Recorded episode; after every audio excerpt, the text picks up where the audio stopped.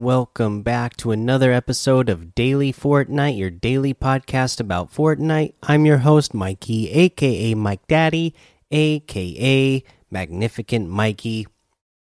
Let's see here today. We had Laser and Fresh's Super Knockback tournament going on. Uh, I didn't get to play it in it at all. I just got home uh, a little bit ago, and at this time, there's only like 27 minutes left in the tournament. So uh, yeah, I didn't get to play that at all. But hopefully, everybody was hoping to get that laser uh, skin early, I or for free. I hope that you got a chance to play in it, and then for the Oceania players, theirs is March 4th, which, you know, it's going to be March 4th over there already. I don't know what time the tournament's going on over there, if it's before or after this podcast comes out, but uh, good luck. I hope you uh, do well and, uh, you know, win yourself the Lazarbeam skin. Uh, let's see here. What else? Uh, let's go over the LTMs that we have in here today. The high explosive squads is here, siphon duos, uh, and then what was something? It's a death run. So there's a death run for community creation, and uh, Team Rumble is unvaulted still. So go check those out. Uh, should be uh, fun uh, playing uh, high explosives, that's for sure. I always love playing that mode. It's a good time. Blowing stuff up. Uh, let's see here. And then the other piece of news I wanted to get to was just a blog post that they put up introducing players to your new Fortnite Creative Island and map.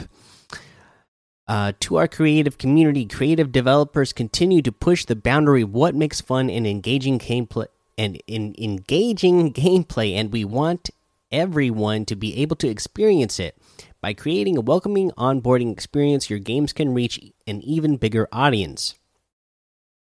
To get to that gameplay, everyone must go through an onboarding experience, which is an island's first interactive impression on a community of players. First impressions are a big deal, so to level up the player's onboarding experience, use this list of do's and don'ts when making a hub or a player waiting area. No, first read the rules and guidelines. So the Epic, there's the Epic Games community rules, Epic Games content guidelines, and the Fortnite Creative Creator content rules. So here's the do's. Do use billboard devices to communicate information about the game.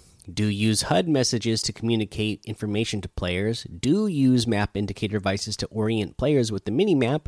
Do use tracker devices to display player progression. Do teleport players to a dis distinct tutorial area. Do tell players where a teleport device will take them. Do add social and support a creator information around the map. Do provide game recommendations and other experiences for your players to try out. Do use scripted tutorials for brand new players. Do use branching paths on to onboard players. Do use social channels to democratize information to players as much as possible. Do place important gameplay information or game mechanics in front of the user when they spawn. Do spawn players in front of gameplay objectives to win and win conditions. Do have clear navigation pathways to points of interest and objectives. Do match visual areas with gameplay purpose. And here's a list of don'ts. Don't use transparent billboard devices unless it fits your theme. Don't overwhelm players with too much information at once. Don't spam players with too many HUD messages. Don't confuse players with inaccurate or incomplete information. Don't block important information from the player's view. Don't front load information that isn't about the game or its theme. Don't confuse new players with important information that is difficult to find. Don't hide objects necessary for initial gameplay. Don't make tutorials too difficult to finish. Don't make advertisements a player's first experience. When thoughtfully applied or carefully avoided, these best practices can help creative developers onboard players to an island with the best experience possible. To learn more, check out these best practices for onboarding players to an island. Happy developing. So, yeah, uh, you know, there's you know a good list for you uh, creative players that you know like to actually build things in creative there's a good list of things to do and to not do uh, so that you can have uh, a map that people find pleasant to be in, and uh, you know would share with their friends and uh, help your uh, visibility grow and uh, get more players wanting to play the maps that you make. Let's see here. Uh, let, yeah, that's all I got for news for today. So let's go ahead and talk about a challenge tip. Uh, let's do the one where I guess we're on the last one for this week, which is destroy crystal trees. Okay, so there's you know crystal trees all kind of throughout the desert area.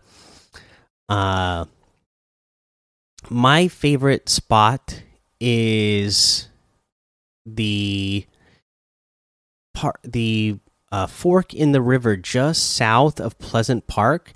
Uh, there's you know a fork in the river, and there's like at least five crystal trees, five or six crystal trees right here, all right next to each other in a really close area. So you don't have to be you know running all across a uh, the desert to find multiple ones because there's you know there's crystal trees uh you know in a couple different spots but uh i kind of feel like th this fork in the river is the best just because like i said there's there's so many of them close to each other right there so you'll get the challenge done really fast if you go to that fork in the river just south of pleasant park uh, so, uh, yeah, there's your challenge tip. Let's head on over to the item shop and see what's in the item shop today.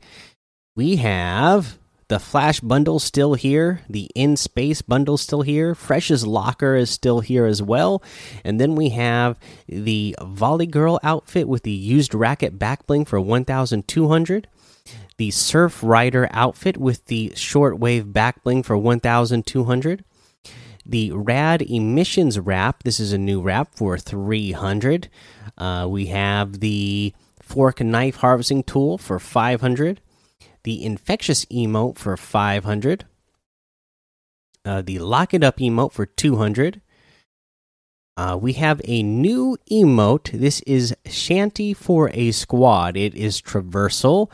Uh, and uh, let's see here. It says, "Keep the tempo and catch the wave." I'm gonna uh, play a little bit of it for you here. Let's see here. I know they gave a shout out to a user. Let me figure it out. It's like a, you know, I don't have a TikTok, uh, so it's one of those. Uh, I I I almost got a TikTok when the whole uh, shanty thing took off. sea shanties took off on TikTok because I love sea shanties and so this was inspired by at Nathan Evans. Uh, I guess he's a shanty TikToker, is what this was inspired by. So let's go ahead and uh, play a little bit of it for you so that you can hear what it sounds like. There once was a squad that readied up with outfits a fancy to say what's up. Their hopes were high for a win that day. Go me squatty boys go. The storm she come to whittle us down and leave just one. Grab your squad quick on the run. Let's take our dub and go.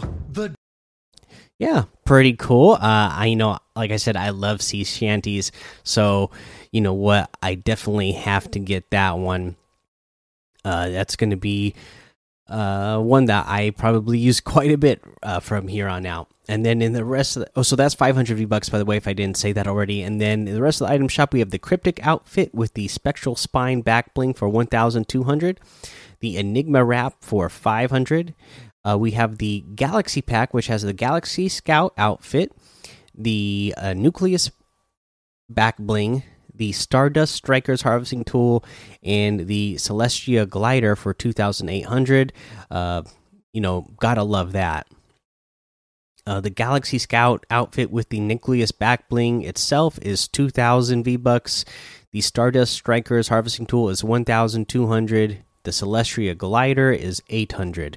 The Star Scout wrap is here for 500. And that looks like everything today. So you can get any and all of these items using code Mike Daddy M M M I K E D A D D Y in the item shop, and some of the proceeds will go to uh, help support the show. Okay, so now let's get into our tip of the day. I saw a couple of members from the Discord talking about a recent video from Isjarian.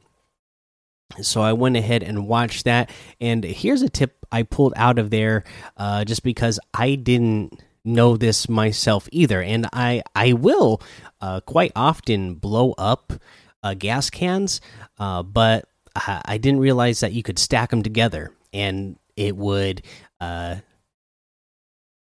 hurt your opponents. Uh, so the uh, the the video that Isjarian put up is 25 tips and tricks I wish I knew earlier Fortnite Battle Royale.